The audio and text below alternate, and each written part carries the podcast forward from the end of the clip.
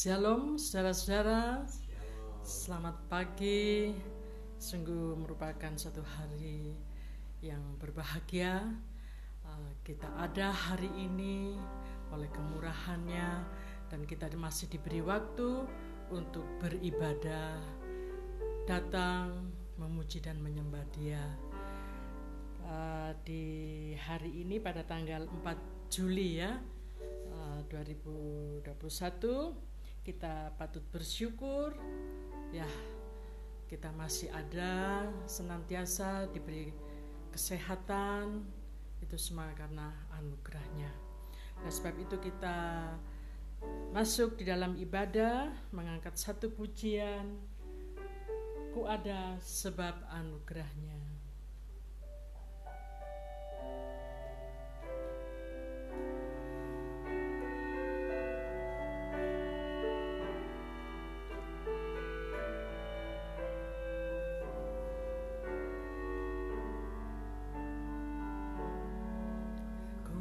ada.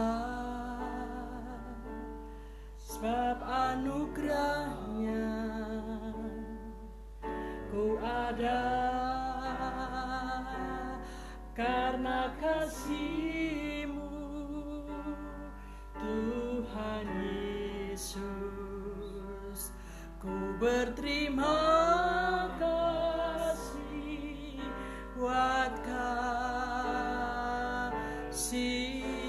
setiamu. Ku ada sebab anugerahmu. Ku ada karena kasihmu Tuhan Yesus. Ku berterima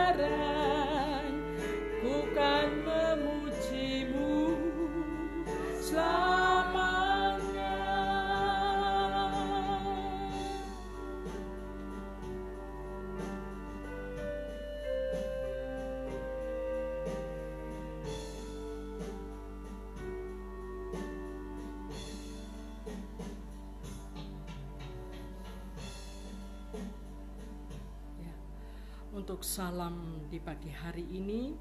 Salam kasih di dalam firman Tuhan yang selalu menuntun kehidupan kita dan firman-Nya berkata, "Celakalah dia yang membangun istananya berdasarkan ketidakadilan dan anjungnya berdasarkan kelaliman, yang memperkerjakan sesamanya dengan cuma-cuma." dan tidak memberikan upahnya kepadanya. Yeremia pasal 22 ayat yang ke-13. Ya, kita sambut lagi refnya terima kasih Yesus.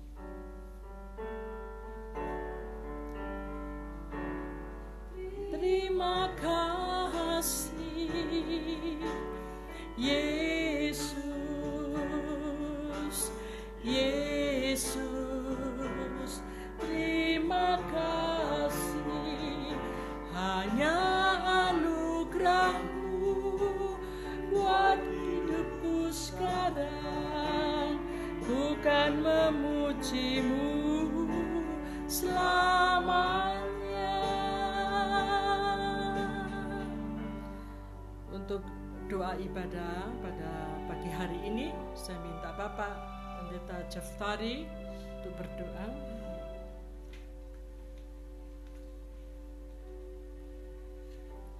Baik mari jemaat Tuhan yang dikasihi kita memulai lagi ibadah kita di awal bulan Juli ini. Mari kita berdoa.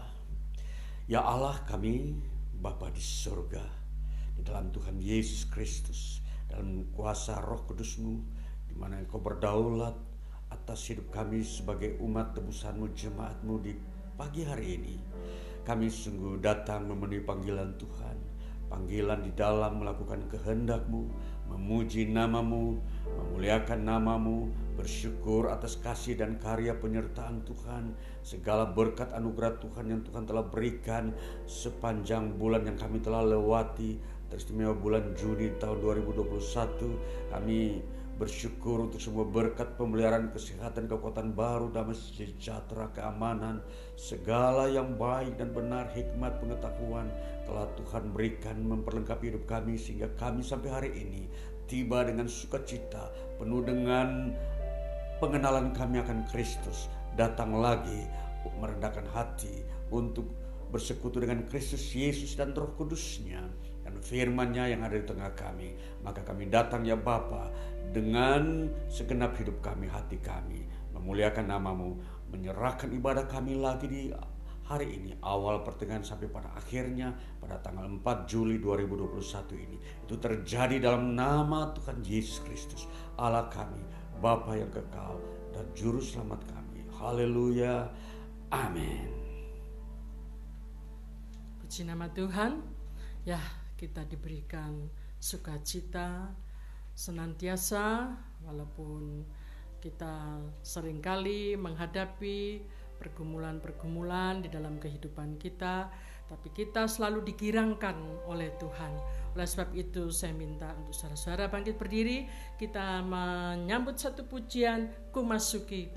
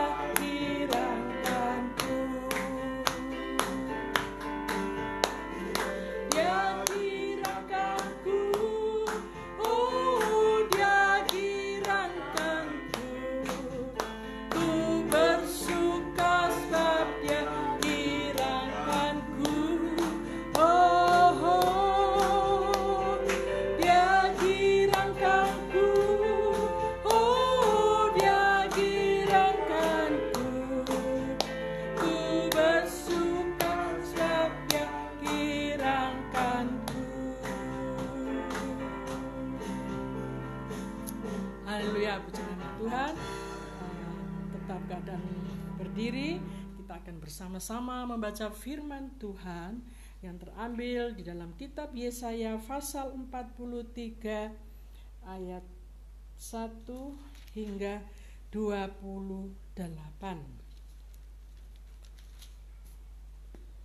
Ya, kita baca bersama-sama. Satu, dua, tiga. Allah adalah satu-satunya penebus tetapi sekarang beginilah firman Tuhan yang menciptakan engkau, hei Yakub, yang membentuk engkau, hei Israel. Janganlah takut, sebab aku telah menebus engkau. Aku telah memanggil engkau dengan namamu, engkau ini kepunyaanku. Apabila engkau menyeberang melalui air, aku akan menyertai engkau, atau melalui sungai-sungai engkau tidak akan dihanyutkan Apabila engkau berjalan melalui api, engkau tidak akan dihanguskan, dan nyala api tidak akan membakar engkau. Sebab akulah Tuhan Allahmu yang maha kudus, Allah Israel, juru selamatmu. Aku menebus engkau dengan Mesir dan memberikan Ethiopia dan Sheba sebagai gantimu. Oleh karena engkau berharga di mataku, dan mulia dan aku ini mengasihi engkau. Maka aku memberikan manusia sebagai gantimu dan bangsa-bangsa sebagai ganti nyawamu. Janganlah takut sebab aku ini menyertai engkau. Aku akan mendatangkan anak cucumu dari timur dan aku akan menghimpun engkau dari barat. Aku akan berkata kepada utara, berikanlah dan kepada selatan janganlah tahan-tahan. Bawalah anak-anakku laki-laki dari jauh dan anak-anakku perempuan dari ujung-ujung bumi. Semua orang yang disebutkan dengan namaku yang kuciptakan untuk kemuliaanku, yang kubentuk dan yang juga kujadikan. Israel sebagai saksi Tuhan Biarlah orang membawa tampil bangsa yang buta sekalipun ada matanya, yang tuli sekalipun ada telinganya. Biarlah berhimpun bersama-sama segala bangsa-bangsa, dan biarlah berkumpul suku-suku bangsa. Siapakah di antara mereka yang dapat memberitahukan hal-hal ini, yang dapat mengabarkan kepada kita hal-hal yang dahulu? Biarlah mereka membawa saksi-saksinya supaya mereka nyata benar. Biarlah orang mendengarnya dan berkata, "Benar demikian." Kamu inilah saksi-saksiku, demikianlah firman Tuhan dan hambaku yang telah kupilih, supaya kamu tahu dan percaya kepadaku dan mengerti bahwa aku tetap dia. Sebelum aku tidak Allah dibentuk dan sesudah aku tidak akan ada lagi. Aku, akulah Tuhan dan tidak ada juru selamat selain daripadaku. Akulah yang memberitahukan, menyelamatkan dan mengabarkan dan bukannya Allah asing yang ada di antaramu. Kamulah saksi-saksiku, demikianlah firman Tuhan dan akulah Allah. Juga seterusnya aku tetap dia dan tidak ada yang dapat melepaskan dari tanganku Aku melakukannya, siapakah yang dapat mencegahnya? Beginilah firman Tuhan, penebusmu yang maha kudus Allah Israel. Oleh karena kamu, aku mau menyuruh orang ke Babel dan mau membuka semua palang-palang pintu penjara dan sorak-sorai orang Kasdim menjadi keluh kesah. Akulah Tuhan yang maha kudus Allahmu, Rajamu yang menciptakan Israel.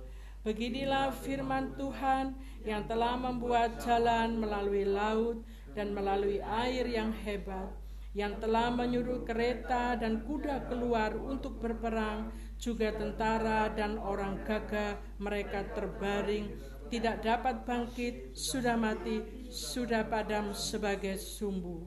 Firmannya, janganlah ingat-ingat hal-hal yang dahulu, dan janganlah perhatikan hal-hal yang dari zaman purbakala. Lihat, aku hendak membuat sesuatu yang baru yang sekarang sudah tumbuh. Belumkah kamu mengetahuinya? Ya, aku hendak membuat jalan di padang gurun dan sungai-sungai di padang belantara. Binatang hutan akan memuliakan aku, serigala dan burung unta, sebab aku telah membuat air memancar di padang gurun dan sungai-sungai di padang belantara, untuk memberi minum umat pilihanku. Umat yang telah kubentuk bagiku akan memberitakan kemasyuranku. Doa Israel diampuni. Sungguh engkau tidak memanggil aku hai Yakub dan engkau tidak bersusah-susah karena aku hai Israel. Engkau tidak membawa domba korban bakaranmu bagiku dan tidak memuliakan aku dengan korban sembelihanmu. Aku tidak memberati engkau dengan menuntun korban sajian atau menyusahi engkau dengan menuntut kemenyan Engkau tidak membeli tebu wangi bagiku dengan uang atau mengenyangkan aku dengan lemak korban sembelihanmu, tetapi engkau memberati aku dengan dosamu, engkau menyusahi aku dengan kesalahanmu. Aku, akulah dia yang menghapus dosa pemberontakanmu oleh karena aku sendiri dan aku tidak mengingat-ingat dosamu. Ingatkanlah aku, marilah kita berperkara kemukakanlah segala sesuatu supaya engkau nyata benar. Bapa leluhurmu yang pertama sudah berdosa dan juru bicaramu telah memberontak terhadap aku. Jadi aku terpaksa menajiskan pemimpin-pemimpin tempat kudus dan terpaksa menyerahkan Yakub untuk ditumpas dan Israel untuk dinista. Demikian pembacaan firman Tuhan. Silakan duduk kembali saudara-saudara. Ya, banyak kita masuk pada ruang kesaksian mungkin di antara saudara-saudara ingin menyaksikan cinta kasih Tuhan kami beri waktu. Ya bila tidak ada kita uh, menyambut kesaksian ini dengan satu pujian. Aku percaya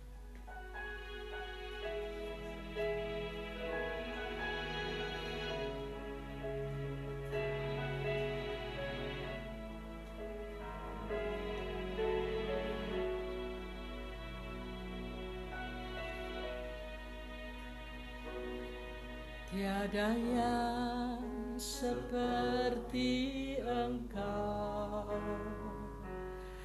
Begitu mengasihiku.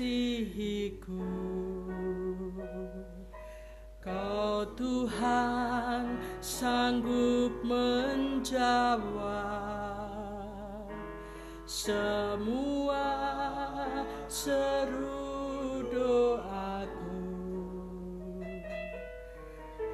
Tiada yang seperti engkau. Begitu mengasihiku. Kau Tuhan sanggup melawan Seluruh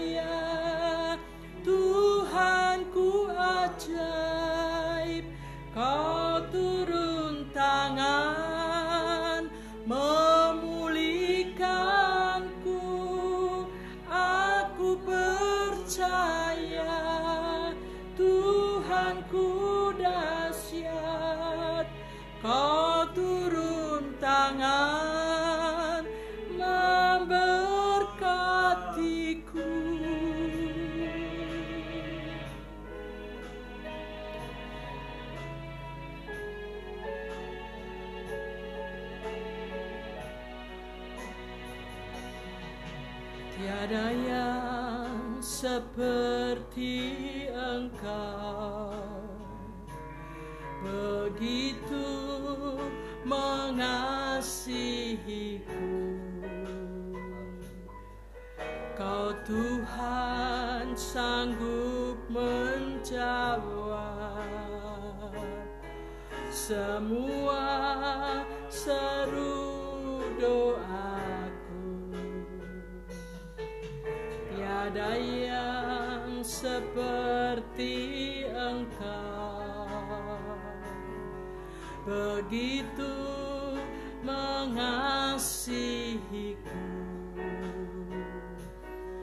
Kau Tuhan sanggup melawan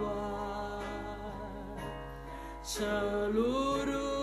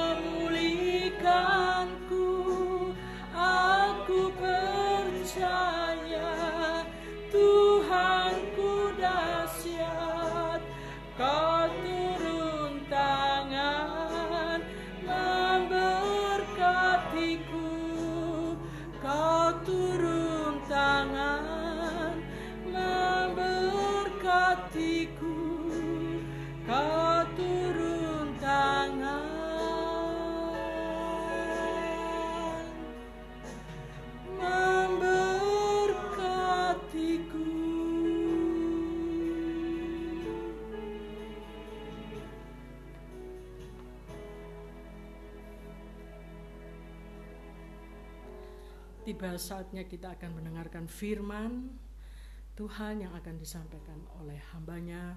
Sebab firman itu adalah penuntun hidup kita. Firman yang senantiasa menopang kehidupan kita. Dan kita senantiasa mencari wajah Tuhan melalui firman-Nya. Sebab itu kita akan sambut satu pujian Kaulah harapan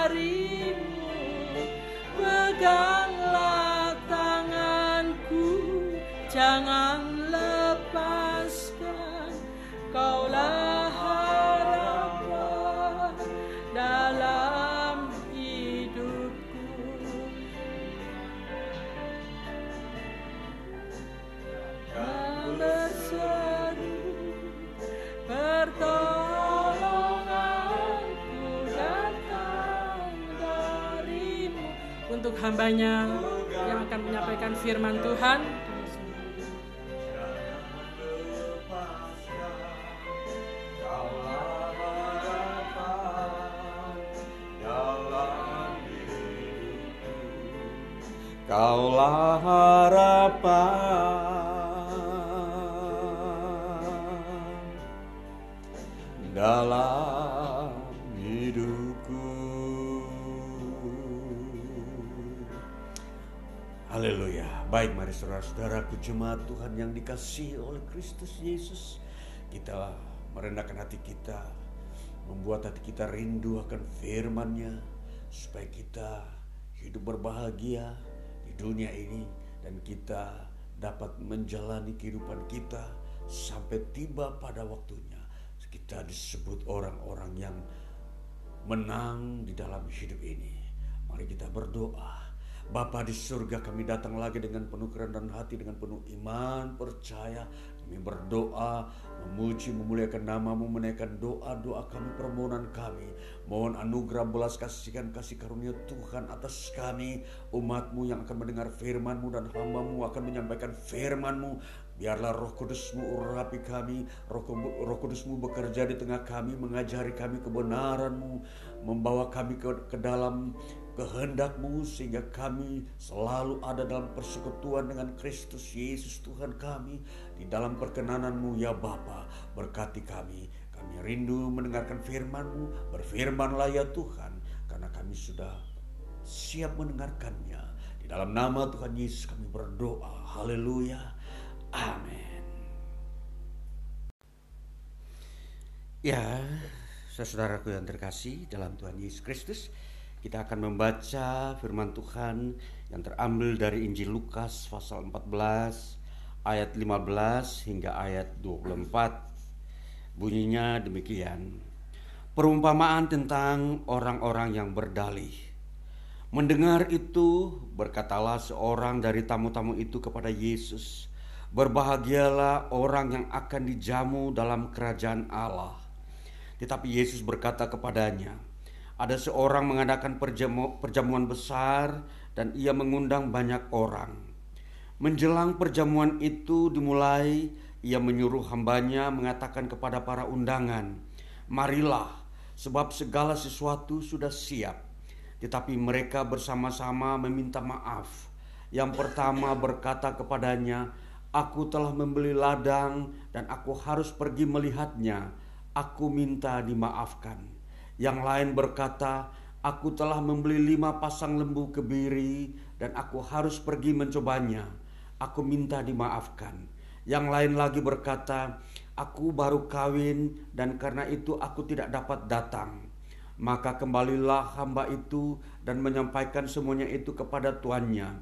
Lalu murkalah tuan rumah itu dan berkata kepada hambanya, Pergilah dengan segera ke segala jalan dan lorong kota dan bawalah kemari orang-orang miskin, orang dan orang-orang cacat dan orang-orang buta dan orang-orang lumpuh.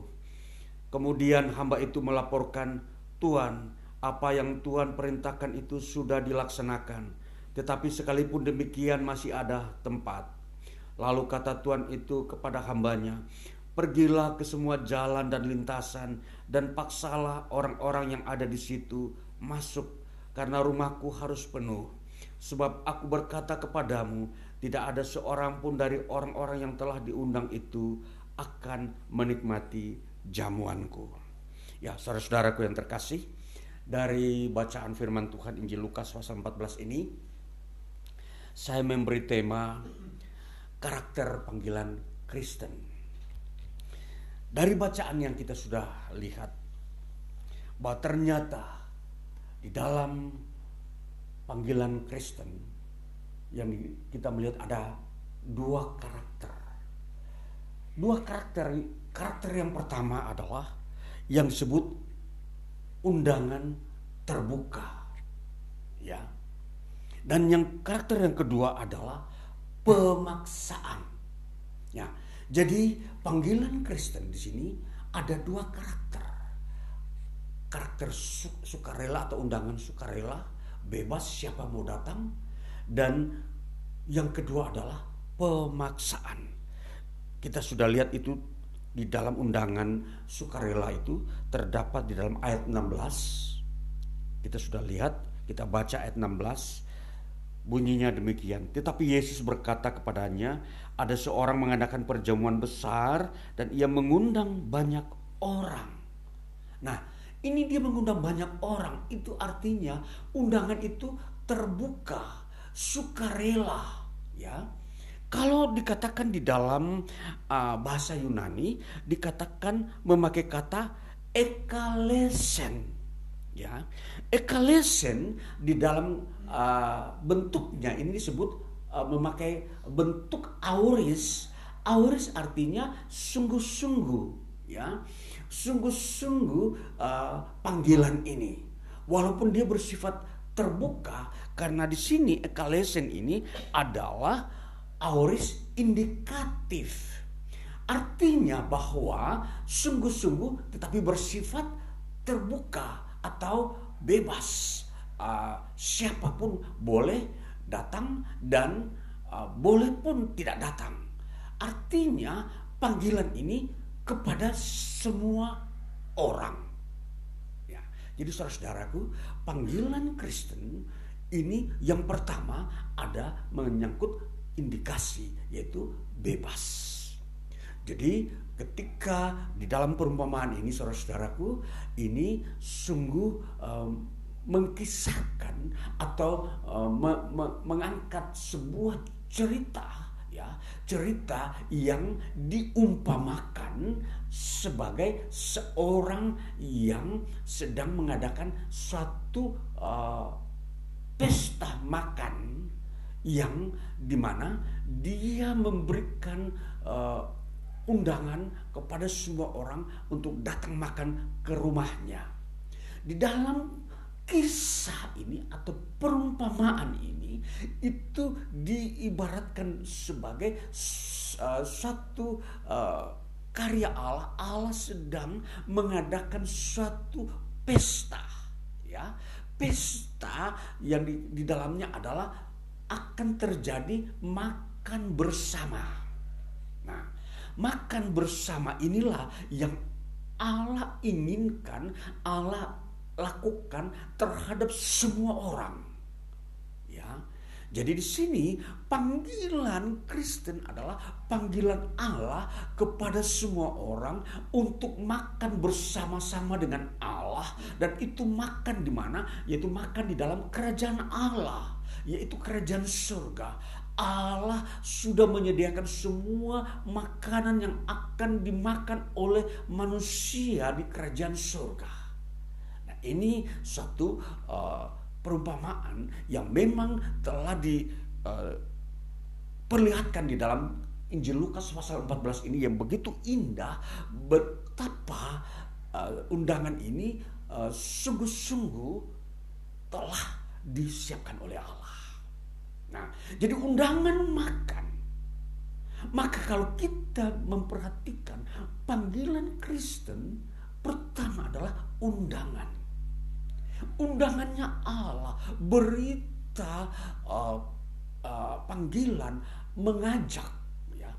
Kalau undangan dalam bahasa uh, Yunani tadi ekalesen, kalau ekalesen itu uh, dikatakan dalam uh, bentuk presentnya disebut kaleo.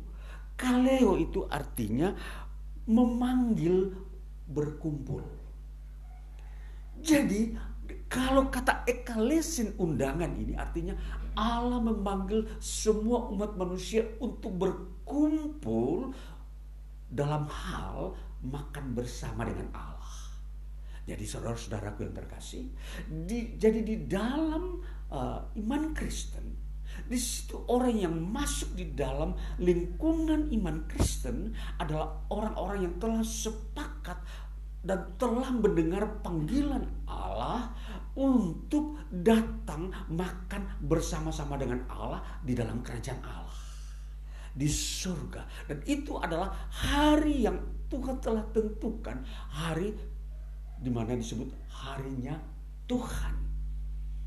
Jadi ini saudara-saudara, kalau kita melihat panggilan ini, maka tentunya ini sesuatu yang sangat indah dan berharga dan hari untuk undangan ini hari ini tidak akan datang kedua kalinya.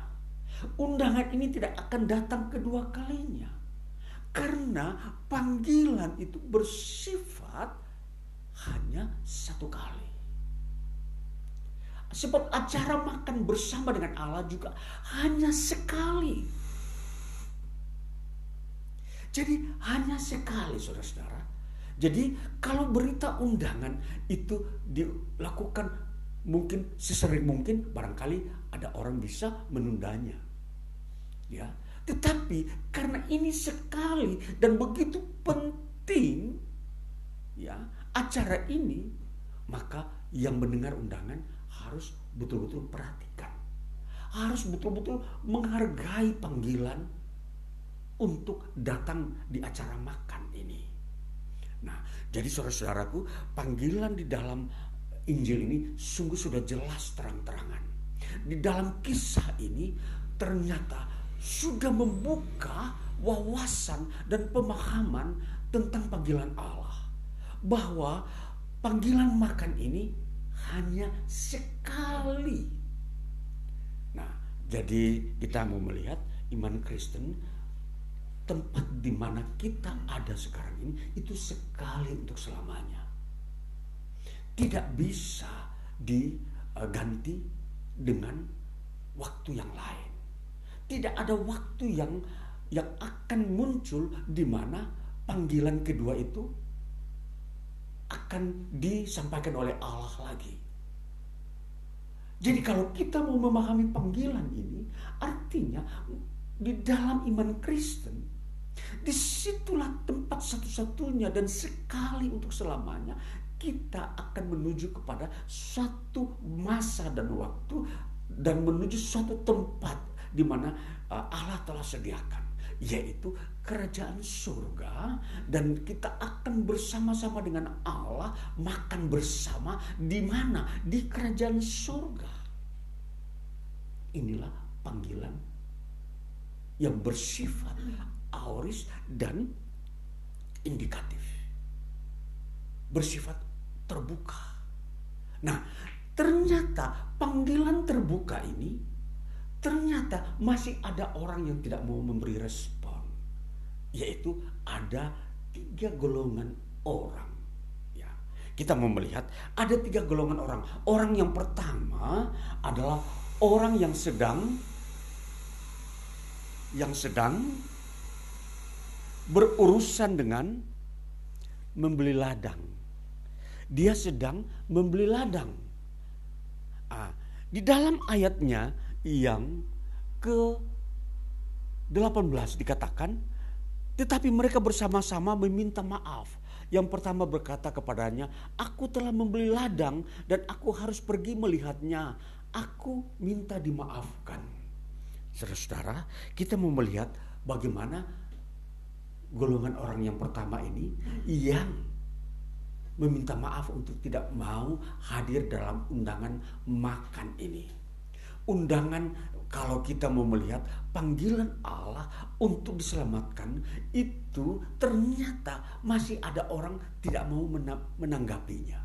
Tidak mau memberi respon seolah-olah panggilan untuk makan uh, oleh Allah ini seolah-olah itu nilainya kurang uh, atau tidak uh, berharga daripada apa yang dia sedang uh, uruskan di bumi ini ialah dia sedang baru membeli ladang. Ya. Dia sedang uh, kalau bahasa yang lebih lebih tegas lagi dalam bahasa Yunani ini dia uh, dia dia katakan uh, argon egorasa. Egorasa itu artinya menebus. Dia baru menebus, jadi dia baru menggadai tanahnya, ladangnya di pegadaian. Jadi ini ladang ini dia harus mengurus mengurusnya karena dia sudah menyimpan eh, banyak uang untuk menebus ini ladang. Jadi orang golongan orang ini begitu menghargai uh, ladangnya daripada menghargai panggilan makan Allah ini. Jadi kita lihat ini ada golongan yang pertama. Nah, jadi kalau kita mau melihat bagaimana orang ini mengurusi ladangnya, maka dia adalah seorang yang tentunya kaya. Dia seorang yang katakanlah businessman. Boleh kata dia seorang yang memang mempunyai cita-cita untuk sukses secara duniawi di dunia ini. Nah, jadi cita-citanya belum tercapai maka dia harus mengurus cita-citanya ialah bagaimana ladang ini supaya ditanami, diupayakan uh, supaya bisa lagi uh, berproduksi setelah disewakan kepada beberapa penggarap yang lain. Ya, jadi di sini uh, kita mau melihat betapa sibuknya orang ini dengan hal-hal duniawi hal-hal yang uh, uh, telah memperlihatkan bagaimana kemajuan-kemajuan kehidupan di dunia ini. Ya, jadi kehidupan di dunia inilah yang menjadi uh, suatu wawasan pandangan hidupnya yang begitu kental dan tinggi yang lebih uh, diutamakan daripada wawasan uh, pandangan hidupnya tentang kerajaan surga. Nah, saudara-saudaraku, kita melihat orang pertama ini. Bagaimana uh, dia punya filosofi kehidupan ini terlalu duniawi. Ya kalau kita melihat uh, gerak-gerik orang ini dia bilang maaf Tuhan. Di, dia minta maaf ini sebenarnya bukan maaf dengan bentuk hormat tapi dengan bentuk menolak dengan dengan uh, tegas atau dengan kata lain di dalam bahasa Yunani memang ini tentu uh, memakai kata uh, parai parai teomai parai teomai. Artinya dia menolak dengan mentah-mentah. Dan bahkan hamba dari uh, raja ini diusir bilang jangan mengganggu saya. Saya sedang repot dan sibuk dengan tanah saya Bahkan dia menjauhi hamba ini. Hamba ini mengejar dia. Ayo, ayo Bapak. Ayo, ini undangan begitu berharga, begitu penting. Ayolah, ini saya kenal Tuhan ini.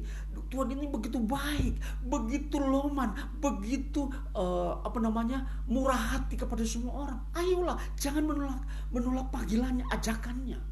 Tetapi si bapak ini yang baru menebus ladang ini dia uh, uh, terus menjauhi ini hamba ini. Dia menjauhi semakin dikejar semakin menjauhi.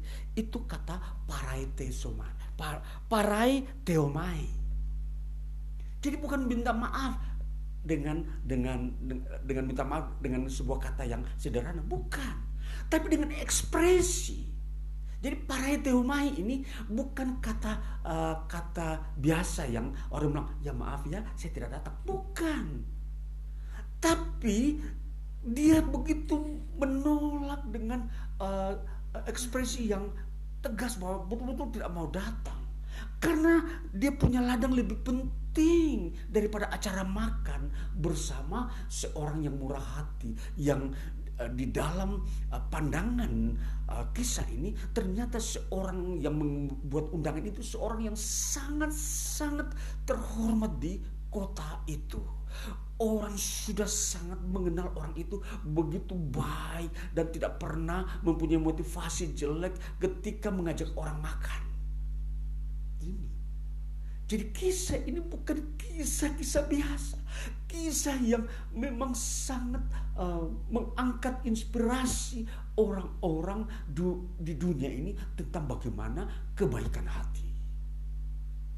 Perumpamaan ini ternyata membuka rahasia kerajaan surga bahwa Allah itu begitu murah hati. Dia tidak pernah membatasi kepada hanya satu suku bangsa, satu bangsa untuk masuk ke dalam kerajaan surga.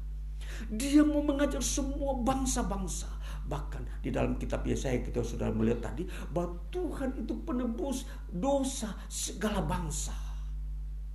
Nah itulah iman Kristen. Bila melihat karakteristik iman Kristen ini bukan hanya satu suku bangsa yang dipanggil. semua suku bangsa di muka bumi dipanggil oleh Allah. Dan ini disebut sebagai undangan. Ya, ekalesen. Kaleo.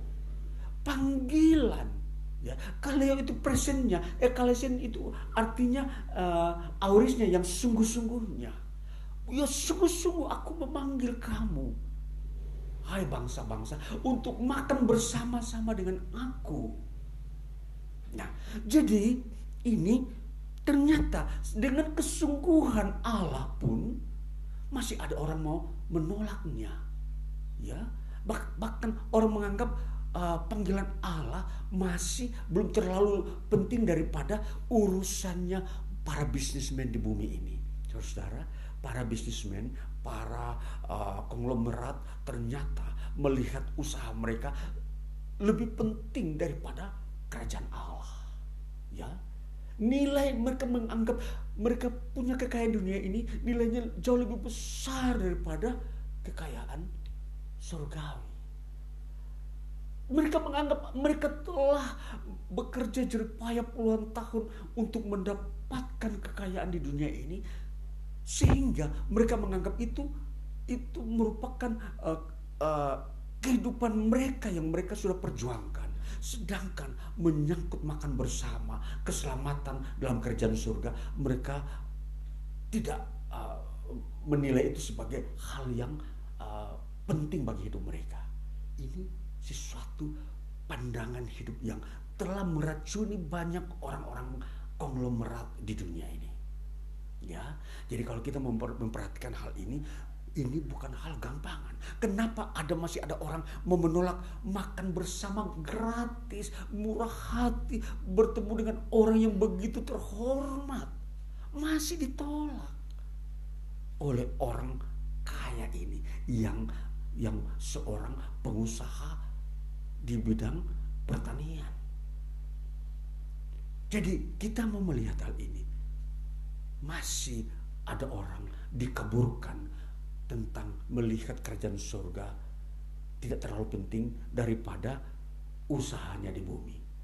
Inilah kita melihat kenyataan dari perumpamaan ini fakta bahwa masih ada orang tidak mau percaya Yesus. Mereka lebih mengutamakan kekayaan.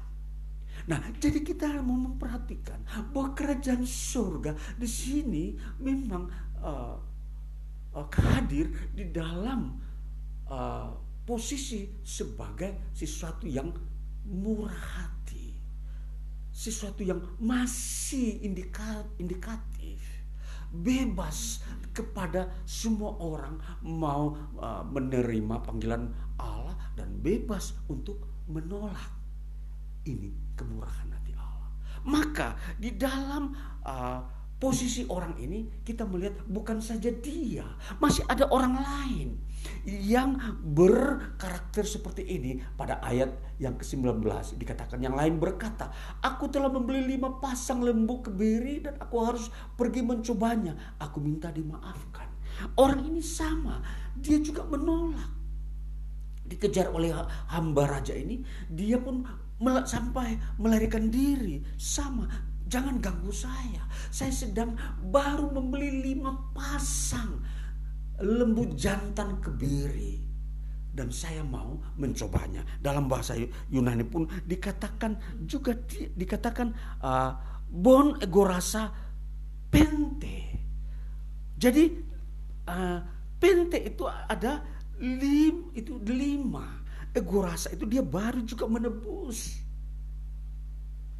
Dan dikatakan bon itu itu jantan lembu dia seorang peternak yang juga uh, punya cita-cita pandangan hidup yang memang uh, dia telah bergelut tentang peternakan jadi hal-hal kehidupan di dunia ini yang memang mengisi pekerjaan kehidupan ini sering kali membatasi dan menghambat untuk datang uh, ke uh, dalam makan bersama dengan Allah di dalam panggilan keselamatan.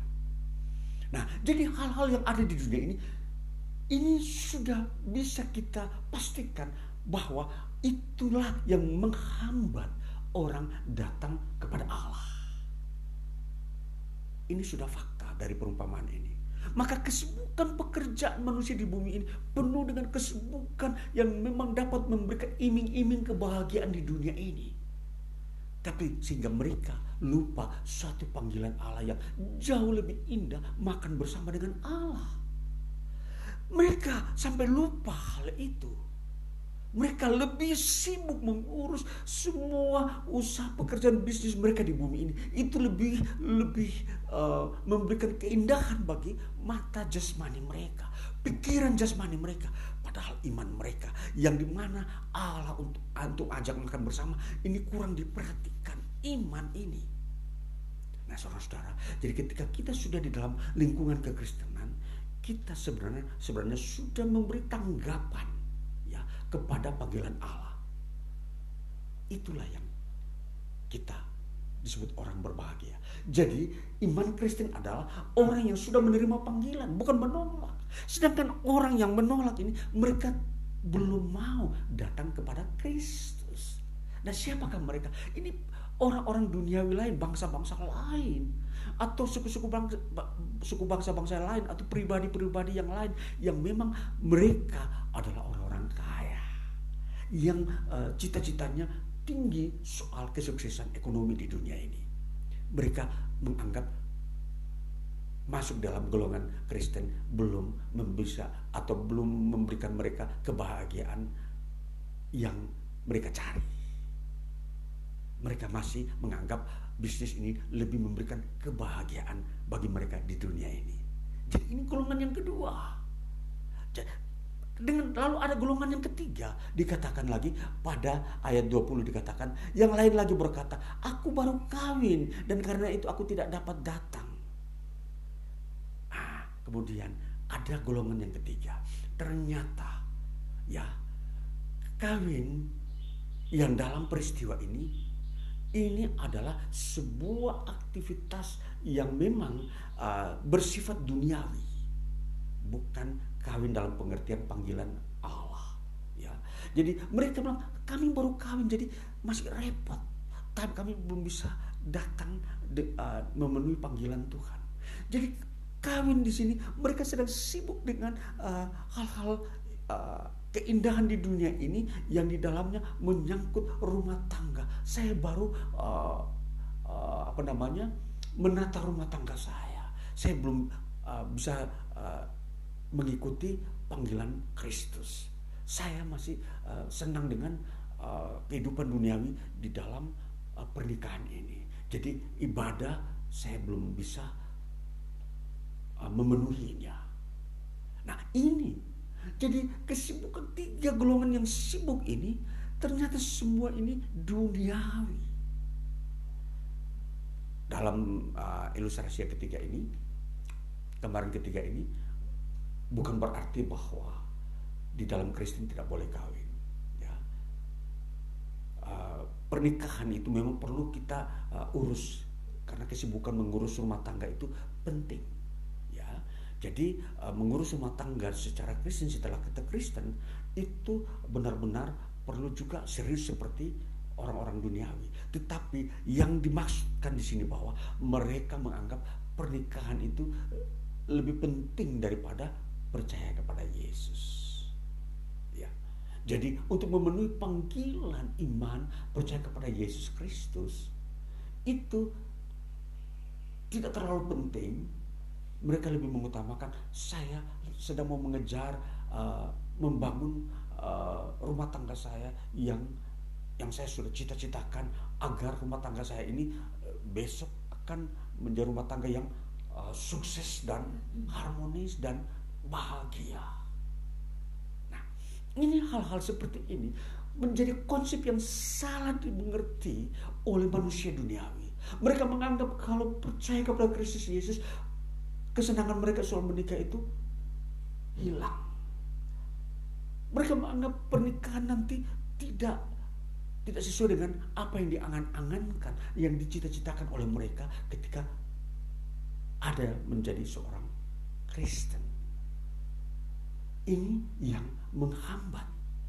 Jadi pemahaman-pemahaman ini uh, cara pandang kehidupan pemikiran manusia duniawi tentang kehidupan di dunia dengan panggilan Kristen, panggilan ilahi ini tidaklah mereka mengerti sehingga mereka menolak.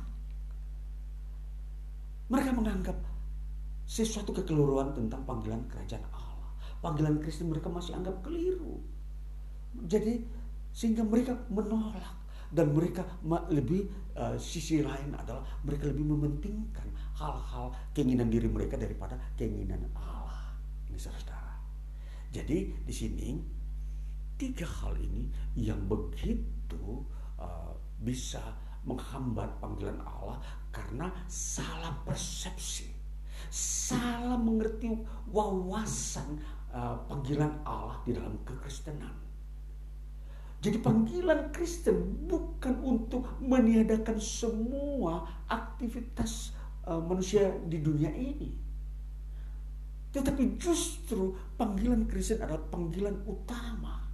Maka akan ditambahkan kepadamu yang lainnya. Kita ingat uh, firman Tuhan dalam um, Injil Matius 6 ayat 33. Carilah dahulu kerajaan Allah dan kebenarannya. Maka segalanya itu akan ditambahkan kepadamu. Apa itu? Lembu sapimu, bisnismu di bidang sapimu akan ditambahkan. Ladangmu akan ditambahkan.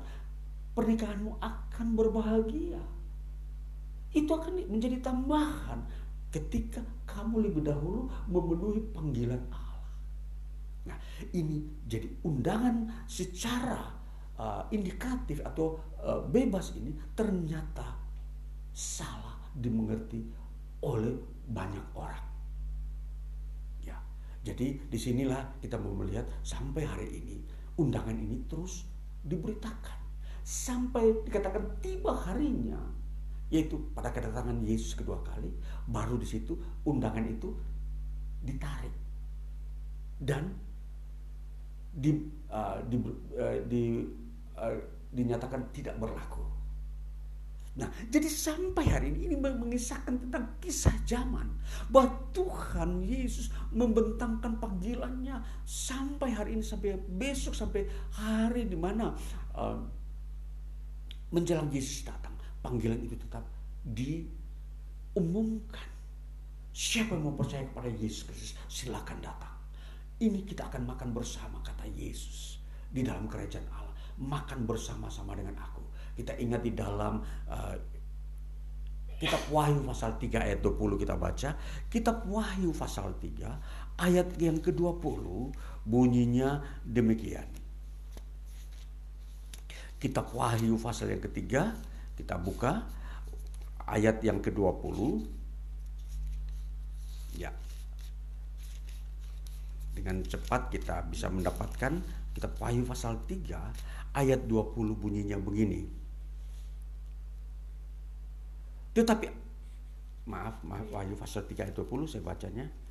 Uh, lihat, aku berdiri di muka pintu dan mengetok.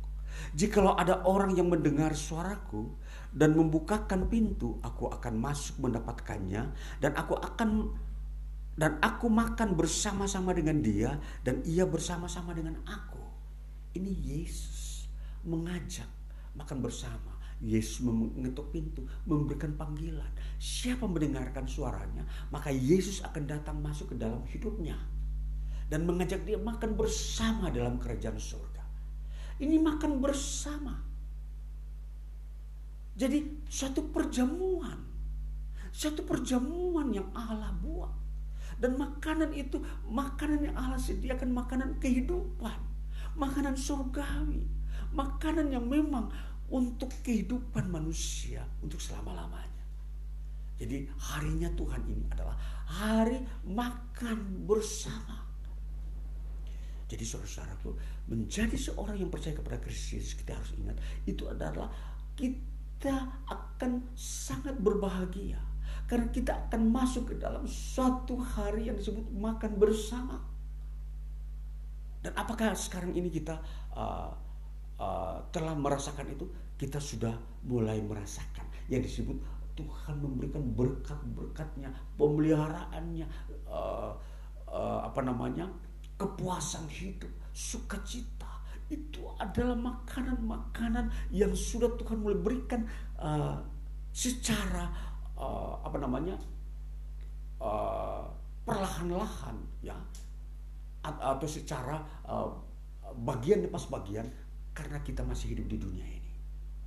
Jadi makanan yang sesungguhnya yang mengenyangkan itu nanti di surga. Yang itu Tuhan sudah berikan untuk selama-lamanya.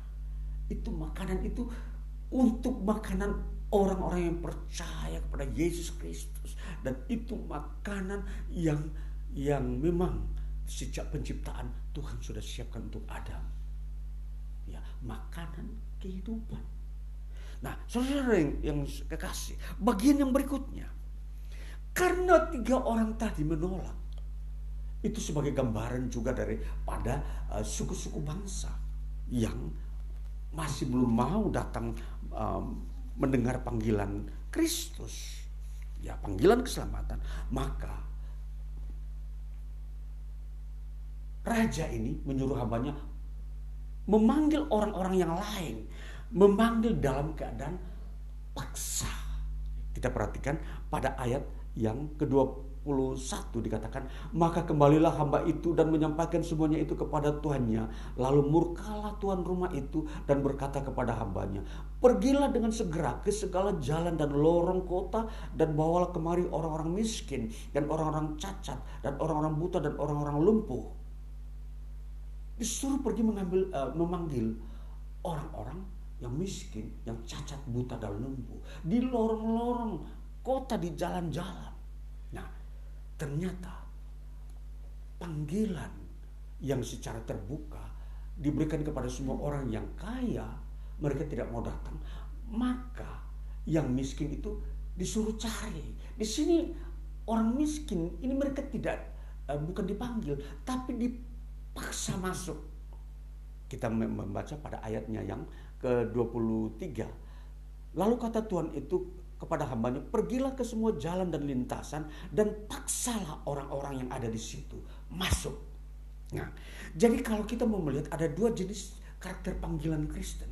Panggilan yang bersifat umum indikatif tadi sukarela dan sekarang panggilan yang kedua yang bersifat paksaan atau anak kason dalam bahasa Yunani yang bersifat imperatif Imperatif itu perintah atau paksaan. Harus kamu datang. Tidak boleh ditolak.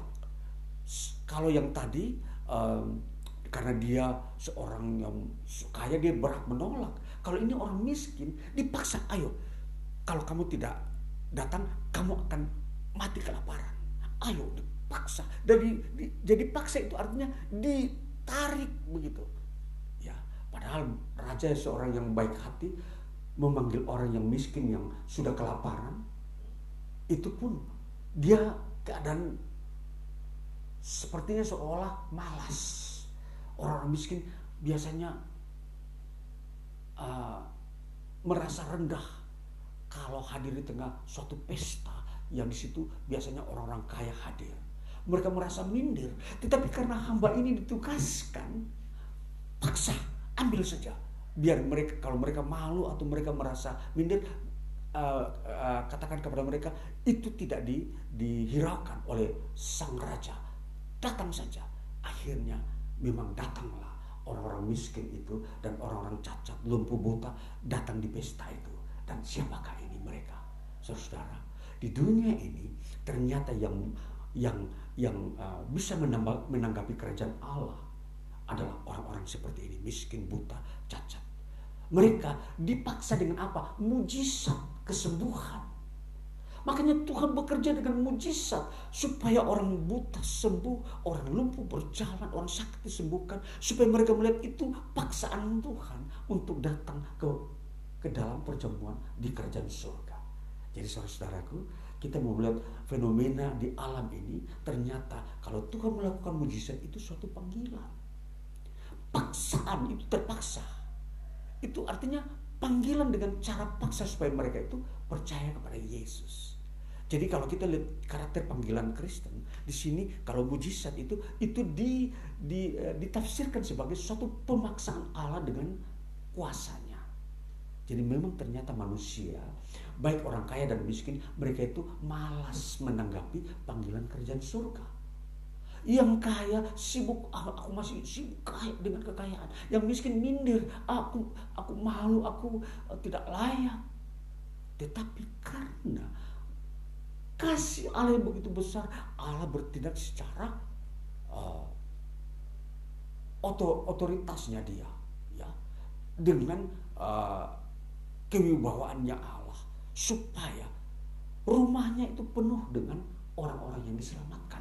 Pada ayat yang ke-24 kita uh, lihat bagaimana hamba ini disuruh paksa supaya mengisi tempat di mana Allah telah sediakan agar penuh. Dikatakan ayat uh, 23 tadi, paksalah orang-orang yang ada di situ masuk karena rumahku harus penuh. Di dalam kerjaan surga harus penuh Nah, itu kehendak Allah. Bahwa kerajaan surga harus penuh diisi oleh orang miskin, orang cacat, orang uh, lumpuh, dan orang-orang yang menganggur di sekitar kota, lorong-lorong jarang setiap bangsa. Orang-orang yang uh, uh, stres, orang-orang yang traumatik, orang-orang yang uh, sakit jiwa harus dipanggil, disembuhkan, suruh mereka masuk. Karena yang menolak panggilan Allah ini orang-orang kaya, maka orang-orang miskin, orang penganggur disuruh masuk. Kita lihat karakter dari panggilan Allah ini. Ini kita lihat bagaimana cara Allah berpikir. Sehingga kalau kita sudah menjadi Kristen, itu adalah hasil usaha Allah di dalam inisiatifnya dia untuk memanggil kita masuk dalam kerajaannya. Supaya penuh kerajaan surga untuk makan bersama. Ini hari yang indah. Maka kita harus ingat ini, ini sesuatu yang uh, dalam, sesuatu yang tidak bisa dijangkau oleh ilmu atau pikiran manusia. Bagaimana uh, begitu kreatifnya Allah menyelamatkan manusia.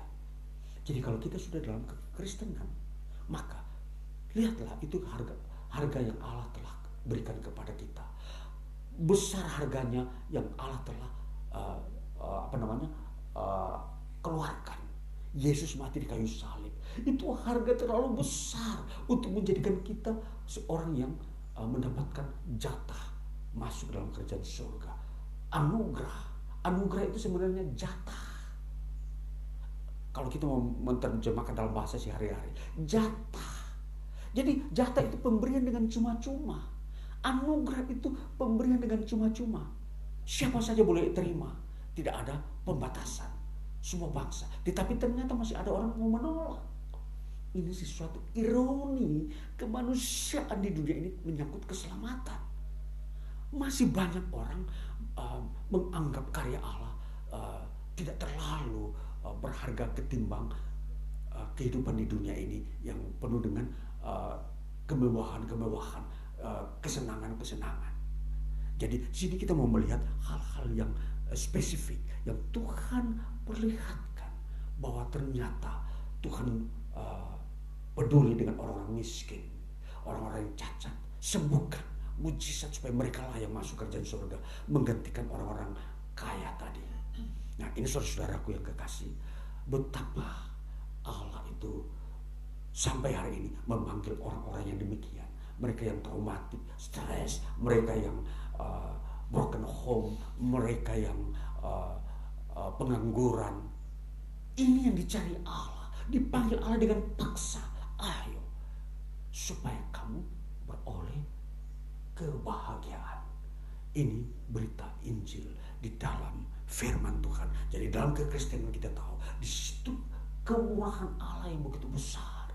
Jadi kita ini adalah menjadi anak-anak Allah karena hasil kemurahannya yang tadi dikerjakan dengan paksa. Saudara-saudara, jadi dengan perintah yang disebut anugerah, anak kason. Ya. Jadi anak kason itu, anak itu A N A G baru kason. Jadi anak kason itu uh, suatu pemaksaan. Allah memaksa untuk uh, orang-orang uh, yang menderita miskin di dunia ini untuk percaya Yesus agar mereka uh, beroleh ya kesempatan untuk masuk ke dalam kerajaan surga. dari semua hal ini kita melihat ini satu kerjanya Allah di dalam Yesus Kristus.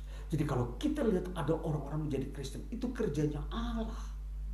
Bukan uh, orang-orang duniawi, tidak ada. Sebab semua orang dunia ini sibuk dengan kekayaan, sibuk dengan kesenangan, sibuk dengan semua uh, yang dicita-citakan, yang diimpi-impikan selama hidupnya. Tetapi makan bersama dengan Allah itu tidak menjadi uh, konsep gaya hidup orang-orang duniawi.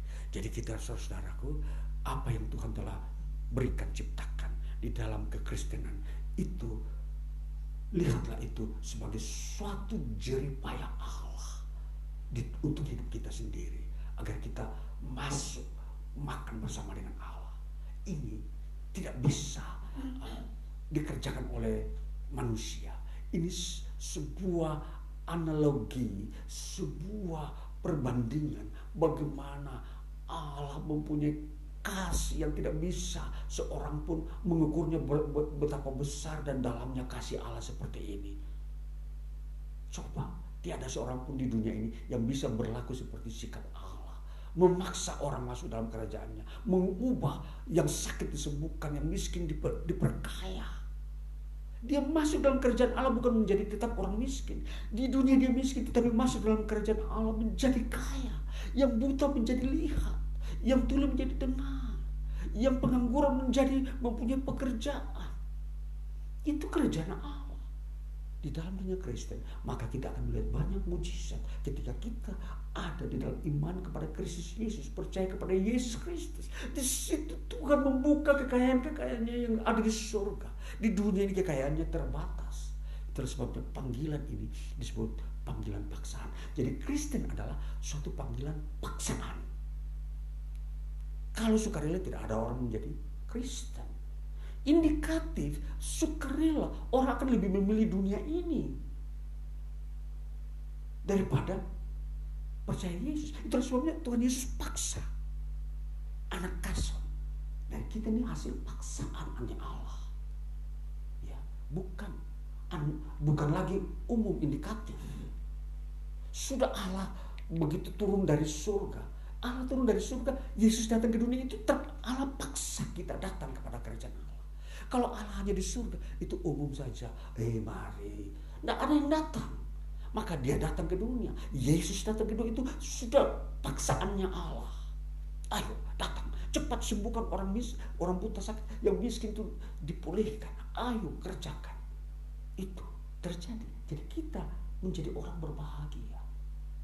Kita menjadi orang yang dipelihara Tuhan di bumi. Di dunia sekarang lebih krisis. Ya, tetapi kita yang percaya kepada Kristus, kita dipelihara dalam kesehatan, dalam ekonomi, dalam damai sejahtera ketenangan. Bahkan sampai di surga, Tuhan sudah sediakan tempat bagi kita untuk kita masuk, ambil bagian, makan bersama dengan Allah. Inilah berita keselamatan. Tuhan Yesus memberkati kita. Kita melihat betapa besar kasih Allah ini. Maka kita akan uh, selalu uh, dipelihara oleh Tuhan di bumi ini karena kita telah berada di dalam panggilannya. Jadi kita bukan lagi orang-orang yang biasa, tapi orang luar biasa di dunia ini. Karena kita sudah ada di dalam rumah Tuhan, rumahnya yang di situ selalu ada makanan yang Tuhan ciptakan. Tuhan Yesus memberkati kita dan kita tetap terus mengasihi Tuhan. Mari kita masuk dalam doa syafaat kita. Kita akan berdoa untuk ke, uh, kehidupan kelanjutan kita, pelayanan kita, semua aktivitas kita yang Tuhan sudah uh, tetapkan supaya itu kita mengerti dan kita menikmati semua berkat Tuhan dan kita tetap setia dalam iman kita. Mari kita berdoa. Kami bersyukur Bapak di uh, menjelang siang ini atas firman-Mu Tuhan telah memberkati kami bahwa kami semakin diteguhkan dibukakan rahasia iman kami bahwa Tuhan memanggil kami dengan paksa ada kasan untuk uh, masuk ke dalam kerjaan surga setelah banyak orang-orang kaya, orang-orang pandai yang menolak panggilan Tuhan. Maka hari ini kami datang ada di hadirat Tuhan, di rumah Tuhan. Karena Tuhan sangat sangat mengasihi kami sehingga kami boleh ada dan sampai sekarang ini kami uh, diubahkan oleh Tuhan yang miskin menjadi kaya, yang sakit menjadi sembuh, yang menganggur menjadi memiliki pekerjaan. Tuhan yang mengerjakan semua itu karena Tuhan yang memiliki kekayaan, Tuhan yang memanggil dengan penuh kemurahan, tiada sesuatu sesuatu motivasi yang negatif tetapi semua bersumber dari kasih Allah Bapa yang kekal, yang maha besar, luas, tinggi. Terima kasih untuk firman-Mu, maka peliharakan kami, biar kami mengerti bahwa kami telah sangat dikasih oleh-Mu, maka kami tetap dalam iman kami, tetap memuji nama-Mu, melakukan kehendak-Mu, menaikkan doa-doa kami, permohonan, mengucap syukur untuk segala peristiwa yang kami jalani hidup hari lepas hari. Maka Tuhan, ini doa kami, kami bersyukur, biar firman-Mu ini akan membawa kami ke dalam suatu nuansa hidup kami kami ada di depan Tuhan untuk selama-lamanya. Kami telah memenuhi panggilan Tuhan untuk makan bersama dalam kerjaan surga. Maka kami bersuka cita melihat hidup ini dengan begitu indah. Jauh lebih besar daripada apa yang ada di dunia ini yang dikejar, dicari oleh orang-orang duniawi. Dengan segala cita-cita dan uh, uh, keinginannya ya Tuhan. Kami bersyukur bahwa panggilan Tuhan Tuhan bukakan bagi kami jauh lebih besar daripada apa di dunia ini. Maka kami uh, selalu memenuhi panggilan Tuhan untuk beribadah, untuk menaikkan doa kami. Kami merendahkan hati kami, kami bersuka cita menyukakan hati Tuhan, memuliakan namamu. Maka kami menaikkan doa-doa syafaat kami ini. Berkati kami lagi, kami ingin diberkati dalam pelayanan memberitakan Injil, mengajak orang-orang lain, saudara-saudara kami yang lain, atau orang di sekitar kami untuk memenuhi panggilanmu ya Tuhan. Karena engkau datang untuk panggilan dengan paksa dengan kuasa mujizatmu agar orang uh, yang masih miskin yang uh, sakit yang uh, frustrasi yang stres yang uh, menganggur datang uh, untuk menerima berkat-berkat Tuhan yang Tuhan telah sediakan. Berkati juga uh, kondisi di mana lingkungan di, uh, di tengah bangsa kami. Kami ingin memberkati, uh, mendoakan bangsa kami. Tuhan datang dan laut berbicara sehingga dalam kondisi saat ini virus corona yang semakin juga uh, muncul gelombang kedua ini, kami berdoa supaya banyak orang mau menyadari bahwa ini salah satu bagian panggilan Tuhan untuk orang datang kepadamu untuk datang menerima panggilanmu karena panggilanmu adalah panggilan paksaan. Banyak hal orang sakit akan datang disembuhkan bila mereka datang kepadamu. Maka Tuhan panggil dengan paksaan dengan mujizat. Kalau di dunia ini banyak bencana banyak sakit penyakit, maka Tuhan memanggil dengan paksa, yaitu supaya datang kepada Kristus dan disembuhkan. Tuhan Yesus, terima kasih. Ini doa kami. Kami menyerahkan hidup kami. Kami percaya Tuhan akan menyediakan berkat bagi kami. Panggilanmu adalah panggilan untuk supaya kami diberkati menjadi kaya dalam hidup ini dunia ini, yaitu memasuki dunia kerja kami. Kami akan sehat dan bersuka cita selalu mengisi hari hidup kami. Maka kami berdoa menyerahkan setiap kami yang bekerja di instansi pemerintah swasta, wira swasta maupun petani maupun pensiunan pemuda maupun mahasiswa Tuhan memberkati. Maka kuduskan kami semua maka kami percaya apa yang kami kerjakan jalani. Tuhan telah sediakan berkat-berkat untuk hidup kami. Maka segala puji hormat dan syukur bagi namamu Allah kami yang hidup. Kami memuji namamu di hari ini bersuka cita dan menerima berkatmu menerima firmanmu. Percaya Tuhan menyediakan berkatmu. Maka segala kemuliaan hormat pujian bagi dikau Tuhan kami kami naikkan doa-doa kami di hari ini kepadamu Bapa yang maha kasih yang penuh kasih. Di dalam Kristus Yesus kami berdoa dan mengucap syukur dan turunlah anugerah dari surga kasih daripada Bapa persekutuan dengan Kristus Yesus. Tuhan menyertai kami hari ini terus sampai selama-lamanya dan kami berdoa sesuai dengan apa yang Tuhan ajarkan kepada kami. Bapa kami yang di surga dikuduskanlah namamu datanglah kerajaanmu Jadilah kehendakmu di bumi seperti di surga. Berikanlah kami pada hari ini makanan kami yang secukupnya. Dan ampunilah kami akan kesalahan kami. Seperti kami juga mengampuni orang yang bersalah kepada kami. Dan janganlah membawa kami ke dalam pencobaan. Tetapi lepaskanlah kami daripada yang jahat. Karena yang kau yang punya kerajaan, kuasa dan kemuliaan sampai selama-lamanya. Baik saudara-saudaraku sebelum kita mengakhiri ibadah ini kita ada perjamuan kudus maka hari ini firman Tuhan berkata di dalam 1 Korintus pasal 11 ayat 23 bunyinya demikian. Sebab apa yang telah kuteruskan kepadamu telah aku terima dari Tuhan Yaitu bahwa Tuhan Yesus pada malam waktu ia diserahkan mengambil roti. Mari kita mengambil roti ini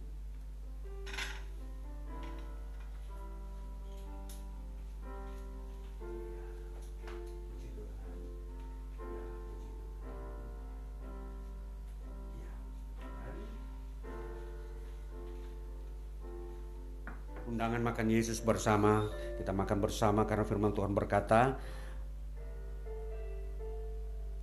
Dan sesudah itu ia mengucap syukur atasnya, ia memecah-mecahkannya dan berkata, inilah tubuhku yang diserahkan bagi kamu. Perbuatlah ini menjadi peringatan akan aku. Mari kita makan bersama dalam nama Tuhan Yesus Kristus.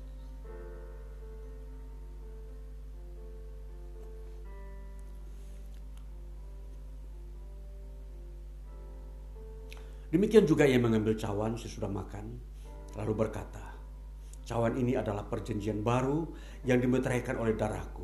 Perbuatlah ini setiap kali kamu meminumnya menjadi peringatan akan aku. Mari kita mengambil cawan ini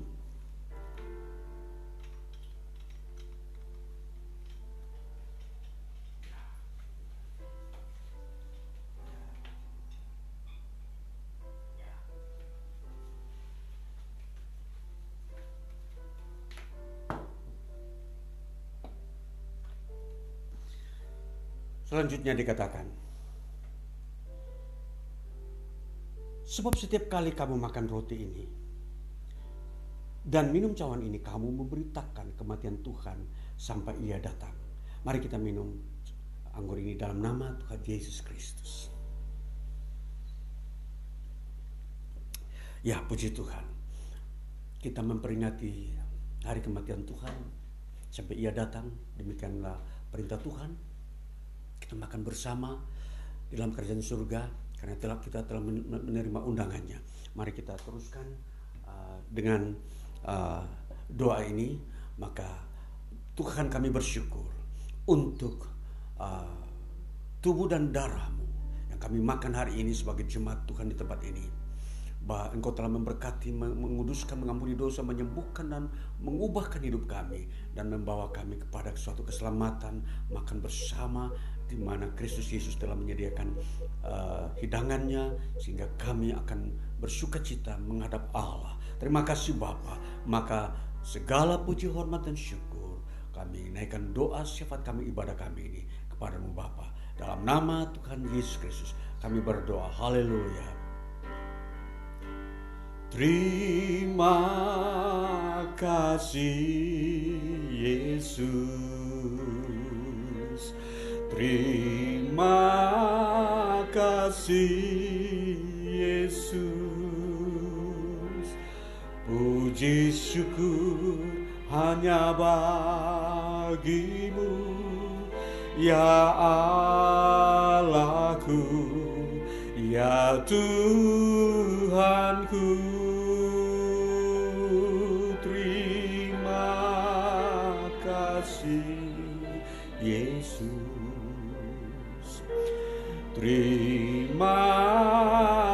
kasih Yesus. Puji syukur hanya bagimu. Terima kasih.